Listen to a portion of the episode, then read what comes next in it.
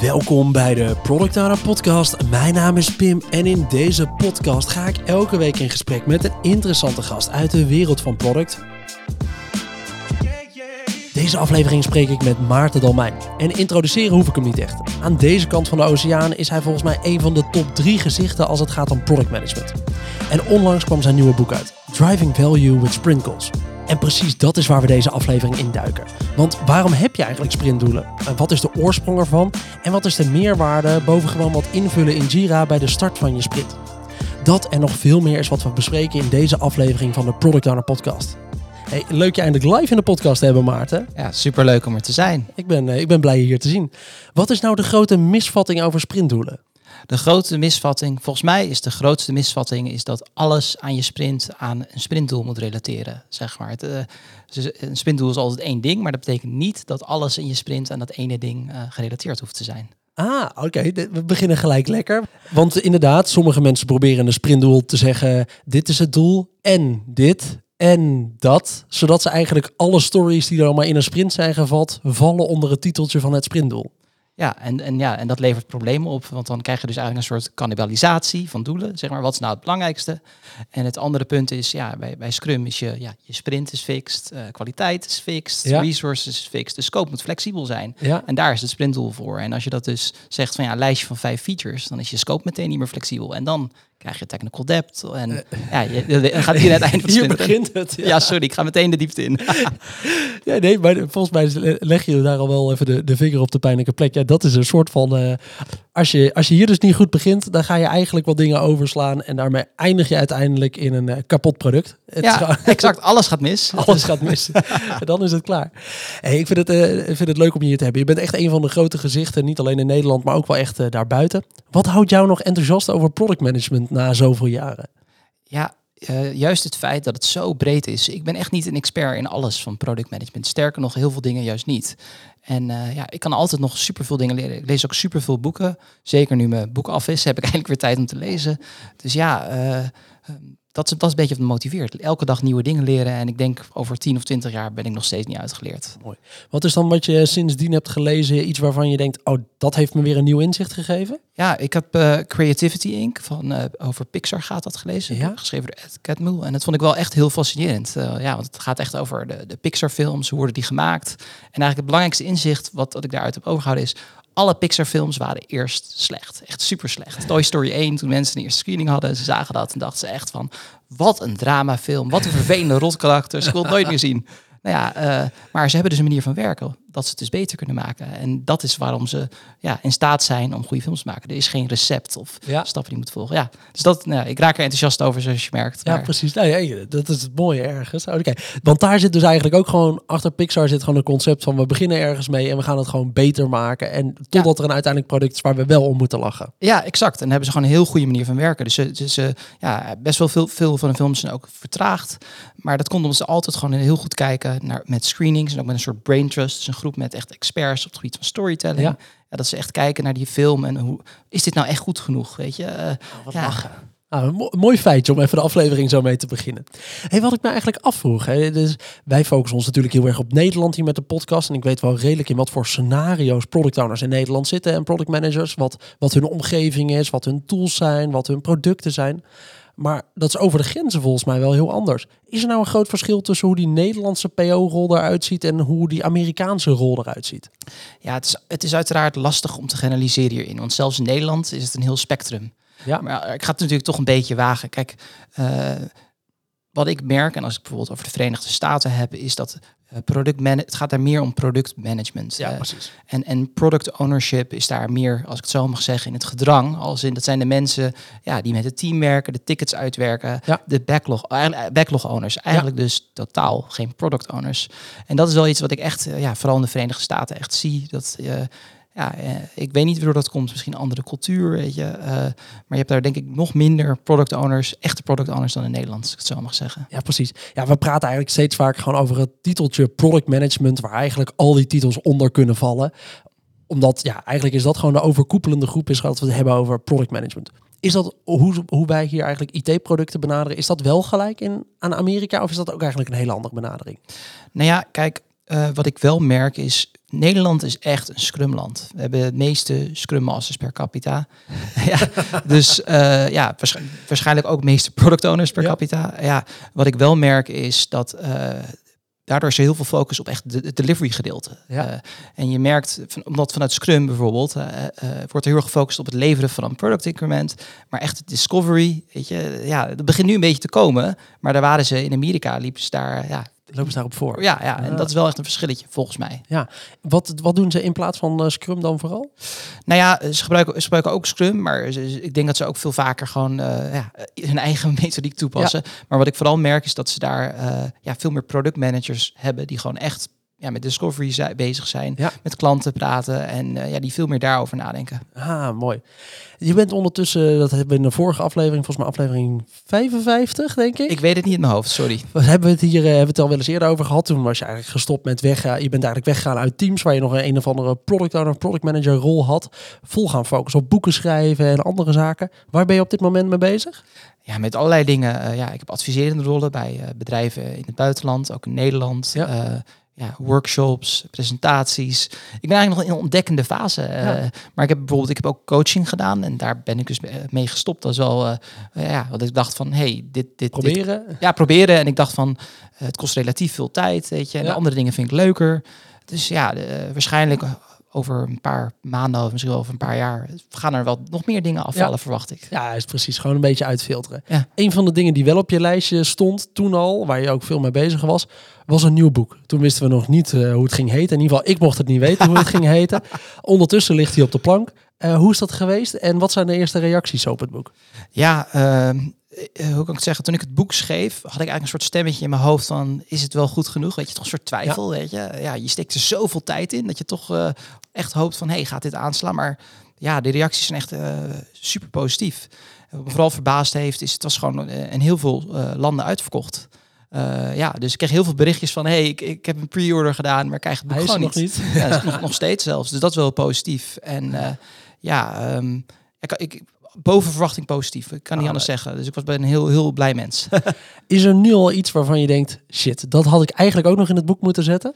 Nou ja, um, ik heb de laatste tijd veel boeken gelezen. En ja. Uh, ja, bijvoorbeeld wat ik net vertelde over Pixar, die verhalen. Het zou wel, uh, had ik wel graag erin verwerkt. Dat is, maar het is niet, niet zozeer dat het iets zou veranderen aan mijn boek, maar toch een beetje ja, nog meer verrijking van hey, het gaat niet om het plan volgen, maar wat je, wat je ermee bereikt. Ja. En uh, ja, dat is dus wel een van de dingen waarvan ik dacht van hey, iedereen kent Pixar films. Dus dat is al een, een enorm voorbeeld. ja, ja, maar ja, weet je, ik heb andere voorbeelden en die zijn, die zijn volgens mij ook goed. Misschien was deze beter, maar maakt niet uit. Ja, precies. Ja, dat is, dat is het ding met een boek schrijven wat ik altijd wel hoor van mensen. Ja, als die af is, dan, dan is die af. En het is niet dat je er nog eventjes een paar papiertjes tussen kan duwen die het even aanvullend uh, verrijken, zeg maar. Klopt, klopt. Maar voor de rest niet, ik heb geen spijt. Ik heb, ik heb de wind nog niet het gevoel dat ik echt uh, enorm uh, ja, domme dingen gezegd heb die ik ze willen veranderen. maar wie weet is het over een paar maanden anders. Dat, daar komen we, kom ik nog een keertje bij op terug. Hey, laten we eens even dat hoofdonderwerp ook van het boek induiken. Dat gaat over uh, je sprintdoelen en eigenlijk de waarde van een sprintdoel. Um, wat moeten we nou begrijpen van sprintdoelen in het algemeen voordat we verder dit onderwerp in gaan duiken? Ja, wat eigenlijk heel belangrijk om te begrijpen is van waarom heb je eigenlijk een sprintdoel? En, en, en, en productontwikkeling is eigenlijk per definitie uh, complex. Je hebt heel veel verrassingen. Je kunt niet alles voorspellen. Je kan niet alles plannen. En uh, dat betekent dus dat je plannen zullen moeten wijzigen. Je zult dus uh, andere keuzes moeten maken in het moment op basis van wat je ontdekt en leert. En ja, als je dat wilt doen, dan moet je wel weten, hey, wat proberen we hier te bereiken? En daar komt het doel dus om de hoek kijken.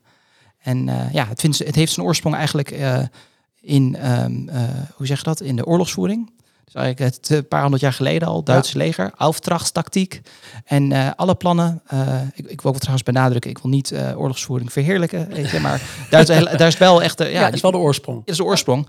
Um, en alle missies die waren dus, kwamen samen met de commander's intent. Dus eigenlijk de bedoeling van de bevelhebber, van wat proberen we nou te bereiken. Ja. Waarom is het belangrijk? Dus missie.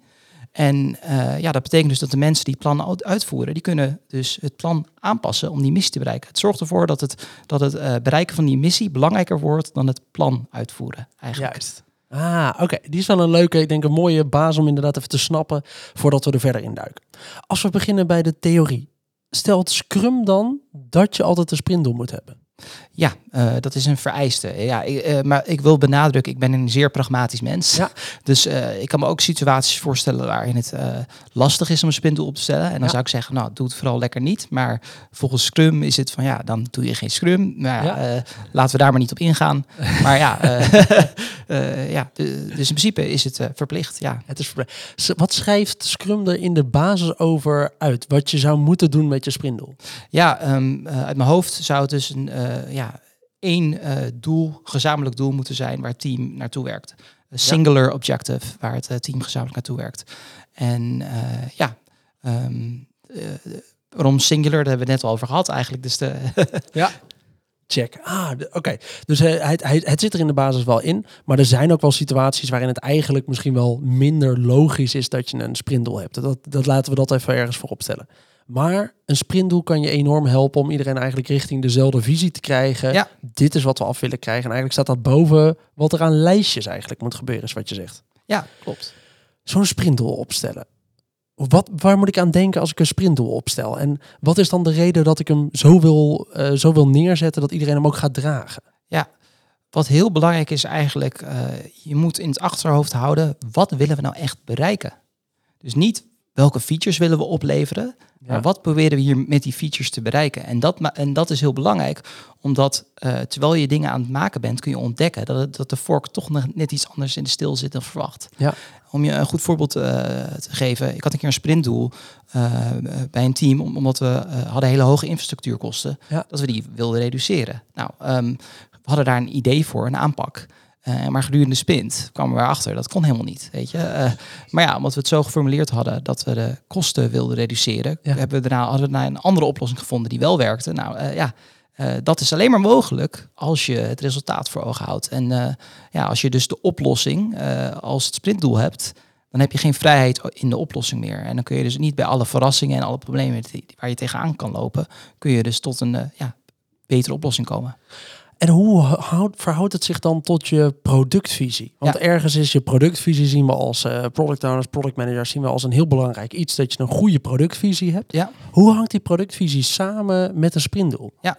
Een productvisie is uiteraard wat verder. En, en naar mijn mening helpt die je vooral ook is een, een richting die je ook helpt om echt nee op dingen te zeggen. Ja. En, en het sprintdoel is eigenlijk een, een stap in de richting van die productvisie. Moet je het zien. Zeg maar, als je kijkt naar die productvisie, wat zou nou de beste stap kunnen zijn richting ja, die, die visie? En dat is dus een, sp- een, een sprintdoel, eh, is zo'n stap. Dus het is gewoon eigenlijk een van de stappen die moet bijdragen aan de grotere productvisie, toch? Ja, klopt, klopt. Als we nou eens terugkijken naar het voorbeeld wat je net gaf, waar je ergens infrastructuurkosten Ja, ja, ja. wil verminderen. Ja. Wat zou nou een goed sprintdoel zijn dan? Als je infrastructuurkosten wil verminderen. Nou ja, eh, kijk, het liefst wil je het zo concreet mogelijk hebben. Het resultaat wil je zo concreet mogelijk hebben. Maar het probleem is, eh, het resultaat is vrij saai. Als je zegt van ja, we willen eh, de kosten met 500 euro per maand verminderen. Ik roep maar wat. Ja.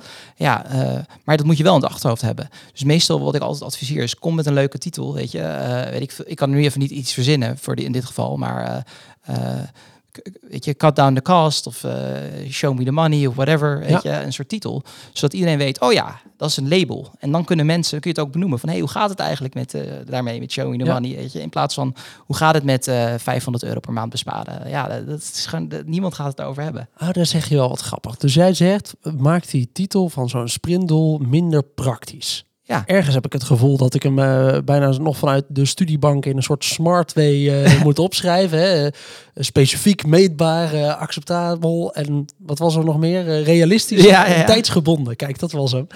Heb ik nog ergens het gevoel dat ik hem zo zou willen opstellen, bijna heel specifiek. Maar jij zegt, nee, het moet meer een soort gezamenlijke deler zijn, waar we allemaal wel aan kunnen committeren en dat mag best meer op de grappige manier Nou zijn. ja, eh, eigenlijk, ik zeg niet dat je dat niet moet doen, maar ik zeg, je, je moet ook een label hebben, zeg maar. Dus eh, ja, want dan kun je eraan refereren. En dan kunnen me- mensen kunnen labels ook makkelijk onthouden. Oh ja, eh, dit is het. Oh ja, heeft daarmee te maken. Maar zo'n zinnetje, zo'n complex zinnetje Ja. is wel lastig te onthouden.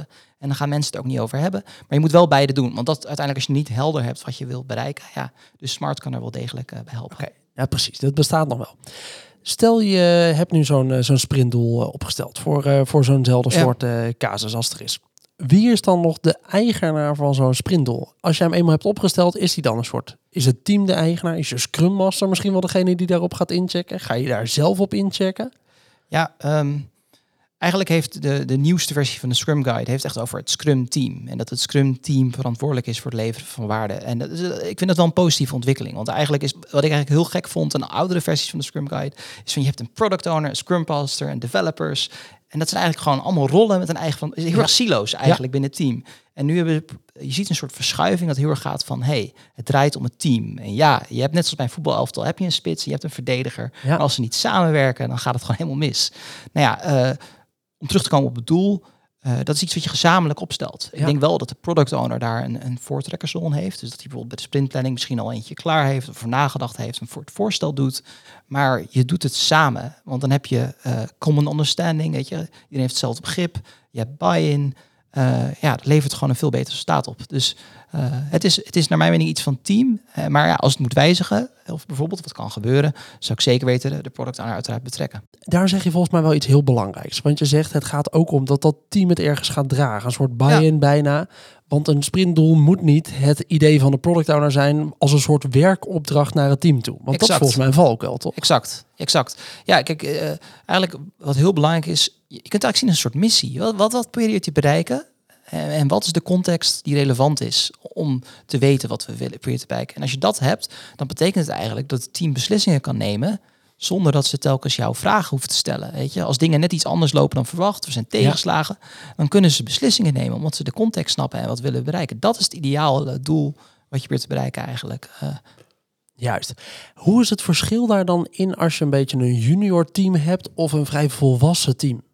Ja, um, kijk, uiteindelijk gaat, gaat het om ownership nemen. En wat ik wel merk is, uh, als je meer junior teams is, vinden ze het vaak wat lastiger om ownership te nemen. Want stel je bespreekt bijvoorbeeld een uh, nieuwe functionaliteit.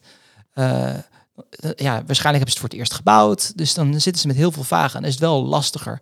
Maar zelfs dan loont het om heel erg uit te leggen van, hé, hey, waarom doen we dit nou eigenlijk? Wat probeer je te bereiken? Ja. Maar wat je in de praktijk wel ziet, is dat die bewegingsvrijheid om te schakelen tussen hé, hey, wat doen we en wat we proberen te bereiken, ja. is er nog niet echt goed. Want ja, ze zijn überhaupt blij als ze het afronden. Snap ja. je? Als ze de, uh, dus ja, ik denk wel hoe, hoe meer senior team is, hoe meer ownership ze kunnen nemen over het resultaat. Ja, want dat is voor mijn gevoel ergens. Hè? Want als ik een heel senior team heb, dan ga ik er steeds iets minder moeite in dat soort dingen moeten steken. Eigenlijk wil ik ze dan een soort richting meegeven. Ja. Als ik dan inderdaad zeg, jongens, we willen iets besparen op uh, infrastructuurkosten de komende sprinten, gaan we gewoon echt eens een keertje even twee weken aan besteden. Dan weet eigenlijk iedereen wel waar het over gaat en ook waar ze moeten beginnen met zoeken. Ja. Maar als ik een junior team heb en ik zeg, jongens, we moeten daar wat op gaan besparen. We zijn bij allemaal nieuwe dingen toegevoegd ja. eigenlijk de afgelopen tijd. Volgens mij gaat het een beetje, loopt het een beetje uit de spuigaten.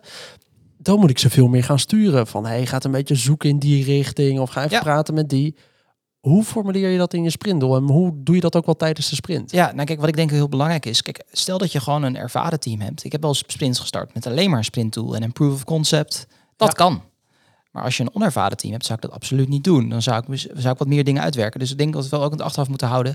Je begint met een sprintdoel, maar je hebt uiteraard de sprint backlog items met alle acceptance criteria. Die kun je zo ver uitwerken als je wil. Ja. En uh, mijn ervaring is, als je een wat minder ervaren team hebt, is er wat meer behoefte om dat uit te werken. En als je dat doet, dan is het nog steeds heel krachtig, omdat gedurende de sprint zijn er ook nog altijd tegenslagen. Er zijn dingen die niet zullen relateren in je sprintdoel. Ja. Maar dan kunnen, helpt ze wel om te focussen van... hey, stel dat... Eigenlijk hoe je het moet zien is... stel dat de, de sprint alles tegenvalt. Ja. Alles is ingewikkeld. We hebben een productie-issue. Wat is dat ene ding wat we af moeten hebben... waar we echt het verschil mee gaan maken? Zo moet je het zien. En als het meevalt, heb je meer dingen af. Maar als het tegenvalt... dan kun je in ieder geval met zekerheid zeggen... dat je team aan het meest waardevolle ding heeft gewerkt. Juist. En, en dat is een beetje waar het bij helpt. En, als, en ja, en gelukkig Soms valt het mee, maar meestal valt het helaas tegen. Nou, de, de, volgens mij pak je daar al wel ergens tussen neus en lippen toe een, een goed punt. En dat gaat over als een sprint tegenvalt, dan weet je dat er dingen eigenlijk een soort overflow gaan ontstaan. Ja. Is het erg als je je sprint niet afkrijgt met alle stories die je erin hebt gezet? Nee, dat is helemaal niet erg, naar mijn mening. Kijk, het, het, punt is, waar gaat het om? Maken we zoveel mogelijk voortgang naar de doelen die wij willen bereiken? En wat je vaak ziet is dat uh, alles in de sprint afronden wordt een doel.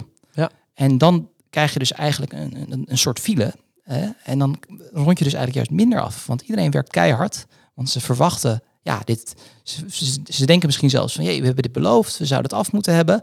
Maar je, krijgt dus, je hebt dus juist minder af. Omdat je dus die traffic jam krijgt. Het probleem is, uh, sorry, die, die file krijgt. En um, Het belangrijkste wat het gebeurt is, onze inschattingen zijn altijd verkeerd. Weet je, of bijna altijd. Je hebt soms mazzel, maar die 5 is een 8, die, uh, die 8 is een 13. Ja. En uh, ja, dus je, je commenteert niet aan 50 story points, maar aan 70 story points. En ja, omdat je denkt dat er 50 zijn, ga je dus ja, probeer je er 70 af te ronden. Dat lukt niet. En ja, dan heb je dus een deprimerende uh, sprint retrospective. Ja, precies. Want dan ga je focussen op dat soort dingen. Wat is er niet af? En wat jij, als ik hem goed begrijp hier ergens, is dus veel meer ding waar je op wil gaan challengen. Is, hey, we hebben dit neergezet als sprintdoel. Binnen deze sprint, waar we inderdaad een klein stukje infrastructuur, om dat voorbeeld nog maar even vast te houden, waar dat een stukje zit. Maar we hebben eigenlijk ook nog uh, vijf andere stories erin ja. gegooid voor andere randzaken. Maar we zeggen deze sprint, infrastructuur kost, die moeten naar beneden. Dat is het ding waarop we aan het einde ja. van de sprint wel of niet gaan high-fiven. Of dat de rest nou meegaat, dat zou heel mooi zijn als we het redden. Maar dat is niet de pure focus. Dat staat boven. Krijg het even af, jongens. Dit hebben we er toch in gegooid. Ja, klopt. En, en sterker nog, uh, de sprint is flexibel. Dus je hoeft niet eens al die vijf andere stories erin te slepen. Weet je, ik zou dat geleidelijk doen. Weet je, je begint te werken aan, die, aan het sprintdoel. Ja. Als je dan merkt van, hé, hey, we hebben wat capaciteit, sleep er rustig iets in. Maar ga niet meteen de, de sprint beginnen met, hey, alle stories. Dat hoeft niet. Weet je, dus dat zou het andere tip zijn. Uh. Ah, ik denk dat we hier iets meer op moeten inzoomen. Ja. Want het, het vaste begrip is ergens uh, van, van veel van die rituelen. En uh, zoals ik ze wel bij meer product owners zie, zoals ik denk ik ook zelf al vaker ja. heb gedaan, is oké okay, jongens, we hebben, een, we hebben een grote backlog. Ik probeer even twee sprints vooruit te, te plannen vast een beetje. Want dit werk weet ik dat we allemaal gedaan moeten krijgen. Dan moet in de komende sprint moeten we dit gaan doen. Dan moeten we andere sprint moeten we dat gaan doen. Dit is een beetje het doel. Dat is daar een beetje het doel. Volgens krijg ik een planning sessie met het team. Ik zeg, jongen, volgens mij moeten we deze kant op. Dit is het doel. Verge vergeet ik dan nog stories? Oh, dan moeten die erbij, dat erbij. En je begint gewoon. Want dit is waar we aan kunnen committeren. Dat is ook vaak een beetje de vraag dan. Ja. Hè? Hoe is die confidence in de groep? Is die hoog genoeg dat we hiermee gaan starten? Ja, ja die, dit kunnen we wel aan. En toch zie je vaak dat er dan iets misgaat. Maar wat jij net zegt is, doe het even andersom. Ja, je committeert aan het doel. Ja, en, en dat is dus andersom in die zin. En kijk, wat ik vooral denk wat het voordeel is... Uh, je, zoals ik al zei, in plaats van die 50 committeer je aan 70. En dat betekent dus dat je gewoon minder waarde gaat leveren. Je gaat minder opleveren, want je hebt meteen die file, zeg maar. Um, en, en daardoor is het heel belangrijk, juist dat je aan het sprintdoel committeert. Want misschien is die al 50 punten. En, en, en door dus niet meteen aan die hele, uh, hoe zeg je dat, aan, aan al die user stories of product back, sprint backlog items committeren, uh, betekent dat je dus rekening houdt met de realiteit van het werk en hoeveel tijd het werkelijk kost. Ja. ja. Dat is wel een, wel een grappig puntje. Maar ik denk voor veel mensen ook wel moeilijk. Ik denk dat er veel mensen van onze luisteraars bijvoorbeeld in een scenario zitten waarbij ze kwartaalplanning ja, ja. Waar ze een soort van commitment wordt gevraagd op. Ja, maar jongens, we weten dat dit belangrijk is voor onze klanten. En dit is belangrijk voor de business. En dit heeft met ook nog een beetje safety te maken of iets dergelijks. Dus waar, hoe gaan we dat dan aanpakken in de komende tijd? En die, die product owners zijn vaak voor langer vooruit aan het plannen. Je moet wel vier, vijf sprints vooruit gaan plannen. Hoe ga je er dan mee om? Ja, maar het punt is, zoals we net al vastgesteld hebben, de planning en de realiteit is altijd anders. Ja, ja en, en kijk, um, met mijn aanpak uh, heb je meer voortgang. Uh, dus, dus ja, uh, en je kunt die ook gebruiken om voorspellingen te doen. Want je, zeg maar, het, het, grote probleem is, als je commenteert aan een bepaalde hoeveelheid werk, is het altijd, het is altijd meer dan verwacht. En daar heb je dus minder voortgang. Ja. En, en het is niet nodig om alle splints vooruit te plannen om een forecast te geven. Want, want kijk, je doet het dan op basis van inschattingen en welk, wat je op dat moment weet. Ja. Dus, dus wat, wat doe je in de praktijk? Is dat je zegt van hé, hey, stel dat we een beetje over de sprints uitschuiven. Nou, het is Ja. ongeveer vier sprints. Dan zeg je nou, het is zes sprints. Je voegt wat, wat, wat padding Ja. of wat slack toe. Dus de realiteit is, als je dat doet, is het toch een beetje natte vingerwerken. Dus het is dan echt nodig om alles helemaal uit te plannen. Weet je, ja. ehm, Je moet hem ergens. Je weet dat er binnen de- zeker een beetje die corporate wereld wordt echt wel gevraagd om een stukje commitment. En dat je in ieder geval kan zeggen: Oké, nou ik denk dat we in het komende kwartaal gaan het afkrijgen. En dan wil je dus misschien vast je sprintdoelen vooruit gaan schrijven. Maar dat wordt ook lastig. Zeker als je het op een soort hot topics wil schrijven. Want het is één tool, die wil je wel tussentijds een beetje kunnen opleveren. Maar het is wel lastig om daar sprintdoelen voor te zetten, lijkt me. ja.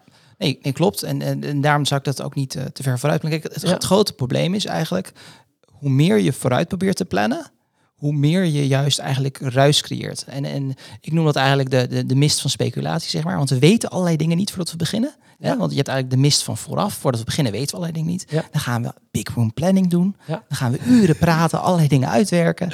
Ja, en. En, en wat gebeurt er dan? Er zit allemaal ruis in onze plannen, allemaal verkeerde, verkeerde aannames. Ja. En ja, op papier ziet het er fantastisch uit, maar de werkelijkheid is toch net even wat anders.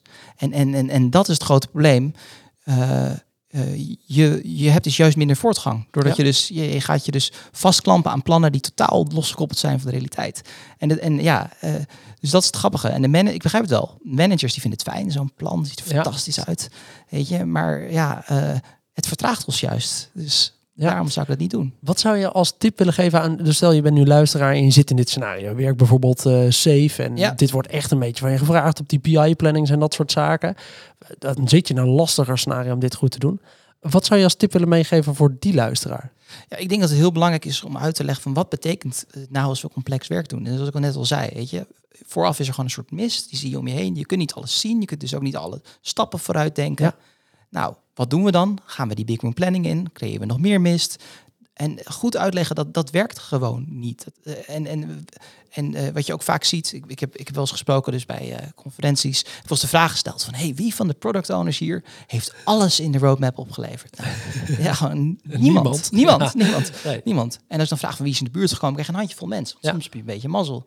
Ja, uh, dat is wel een beetje de kern van het verhaal, denk ik. Van, het werkt niet. En kijk, het kan wel werken als, als je werk niet complex is. Dat is wel heel belangrijk om te benadrukken. Ja. Dus stel dat je wel kan voorspellen en plannen, dan, dan is je werk niet complex. Ja. Nou ja, uh, dan, kun je, dan werkt dat prima. Maar dan heb je ook geen scrum nodig. Dan, uh, ja, dan kun je gewoon watervol doen. Ja, nee, dat is het. Hè. Daar moeten we vaak altijd weer even realistisch aan terugrefereren. Is het einddoel duidelijk en is er weinig onzekerheid? Nou, werk dan gewoon volgens een project en maak het gewoon af, lever het op. Exact. Maar is er complexiteit en onduidelijkheid?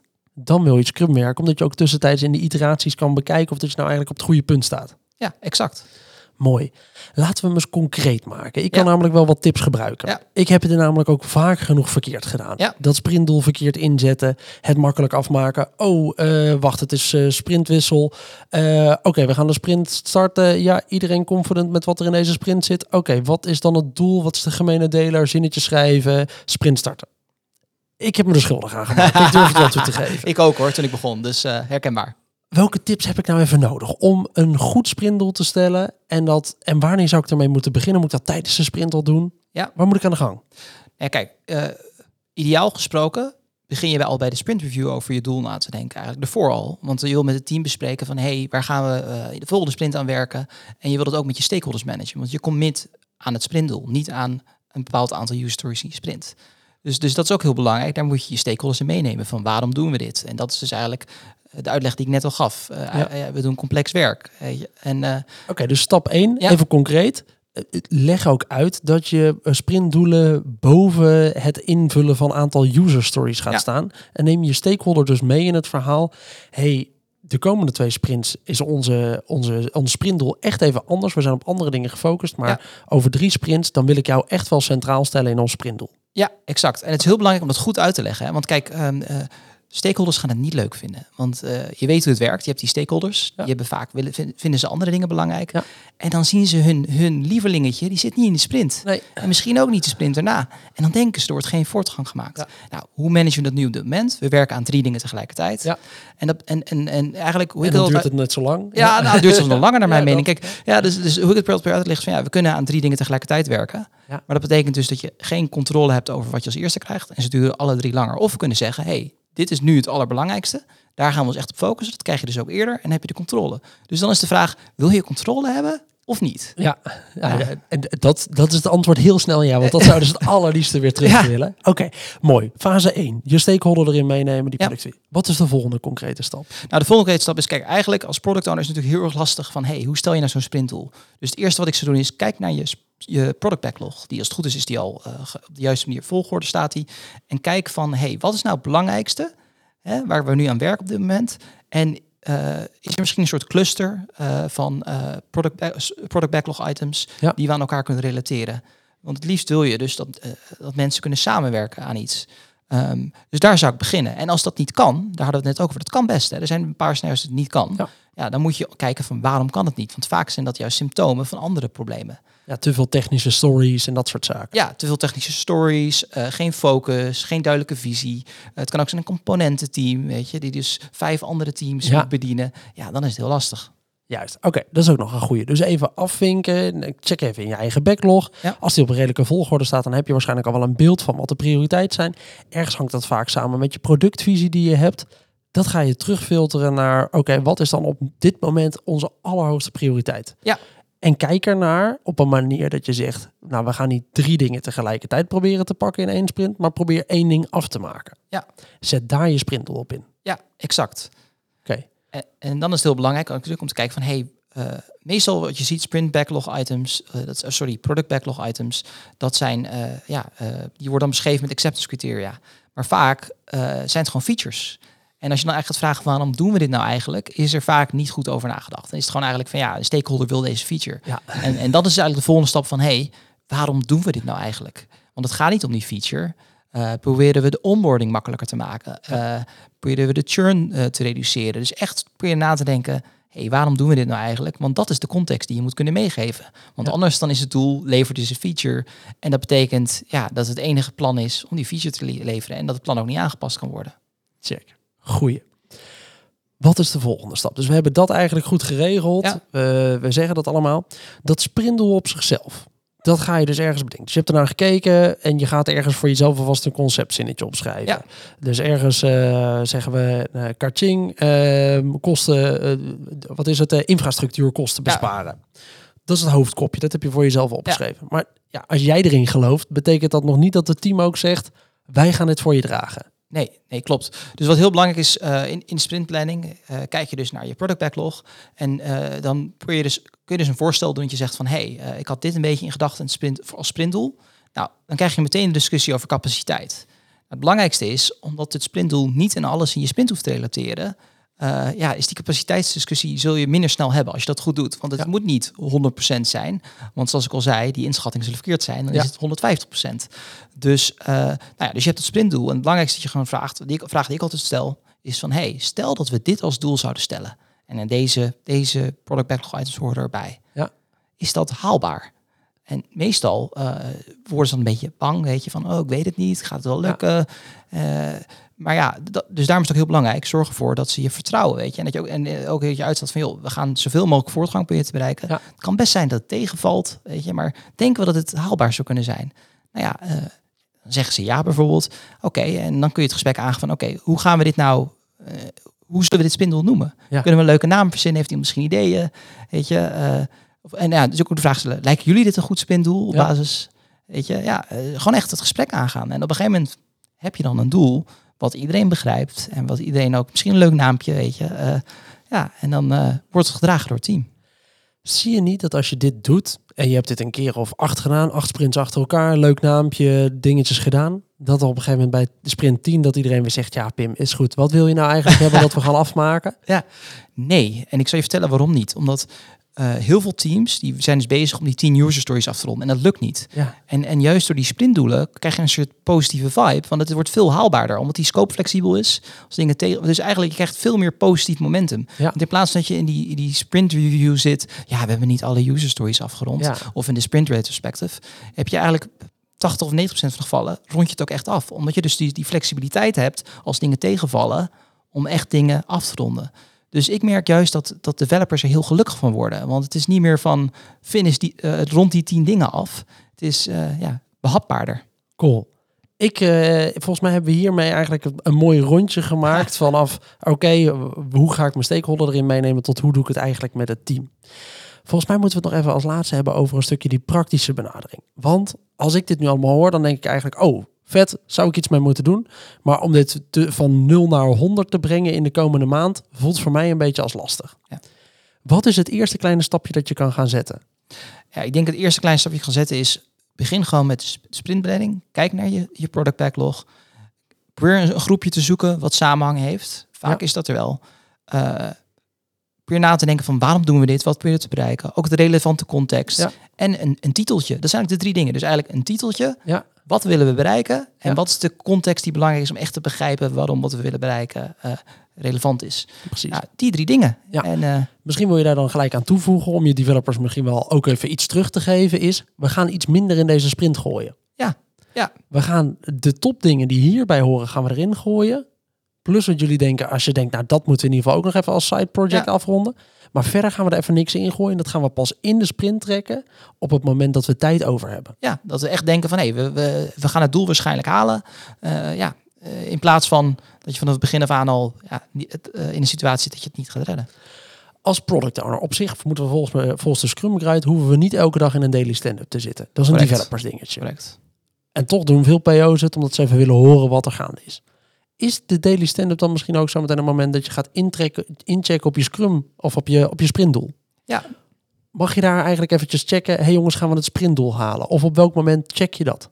Ja, nou kijk, het, grappige is dus, ja, je hebt gelijk eh, met betrekking tot Scrum Guide, maar ik, ik ben een beetje in een andere kamp. Eh, we hebben één Scrum team. En, en, en ja, Daar zit ik toch gewoon in? Ja, exact. Ja. En, en, en volgens mij, Mi- Mike Cohn noemt dat een, een whole team mindset. Weet je? Dus dat je echt als één team opereert. Ja. En dus, naar mijn mening, is het juist positief als de PO bij de Daily Scrum is. Ja. Ehm, maar ja, dat betekent niet dat ze zich overal mee moeten bemoeien. Dat je gewoon luistert. Maar, wel, maar ja, wel belangrijk is, het, alle Scrum events vallen te relateren aan het sprintdoel.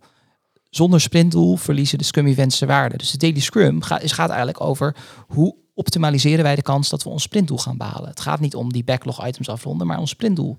Ja, alle events kun je dus koppelen aan die sprintdoel. Dus da- daarom is het ook heel belangrijk dat die inderdaad eh, besproken wordt. Ehm, Cool. Ik voel hem wel.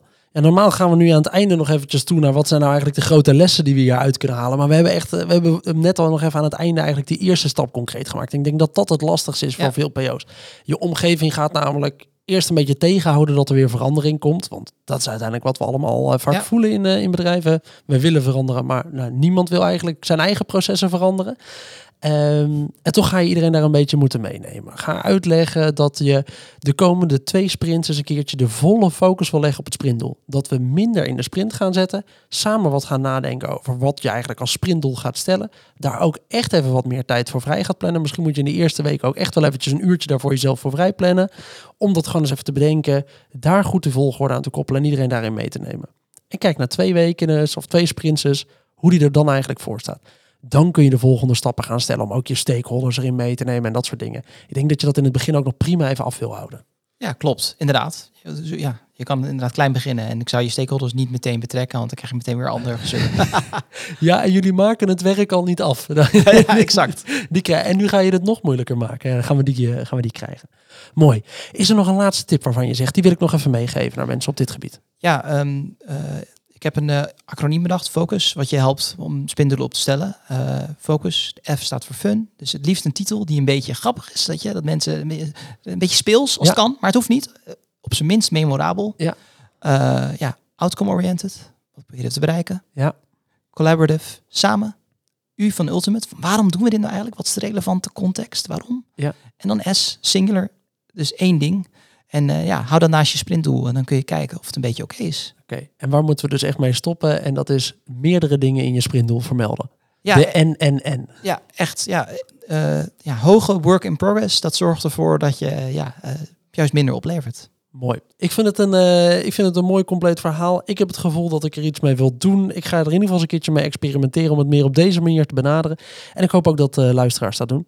Ja, ze kunnen je op LinkedIn een bericht sturen, maar het is wel redelijk druk misschien in je inbox. Maar als mensen vragen hebben, mogen ze nog een bericht sturen via LinkedIn? Ah, weet je, uiteraard. En eh, ja, soms vergeet ik te reageren. Ik ben een, me- ben een mens, dus je mag gerust nog een keer een bericht sturen. Mooi, dat is Maarten Dalmijn op LinkedIn.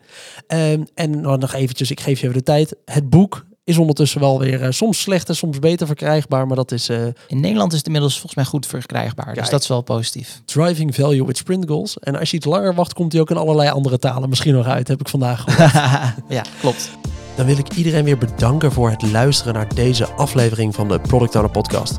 Vond je dit nou een leuke aflevering? Vergeet dan niet om onze podcast een review te geven in je favoriete podcast app. Heb je nog vragen of opmerkingen voor mij? Stuur me dan vooral een berichtje via LinkedIn, dat is Pim Pot, of op pim.productowner.nl. En dan hoop ik dat je de volgende keer weer luistert. Tot dan!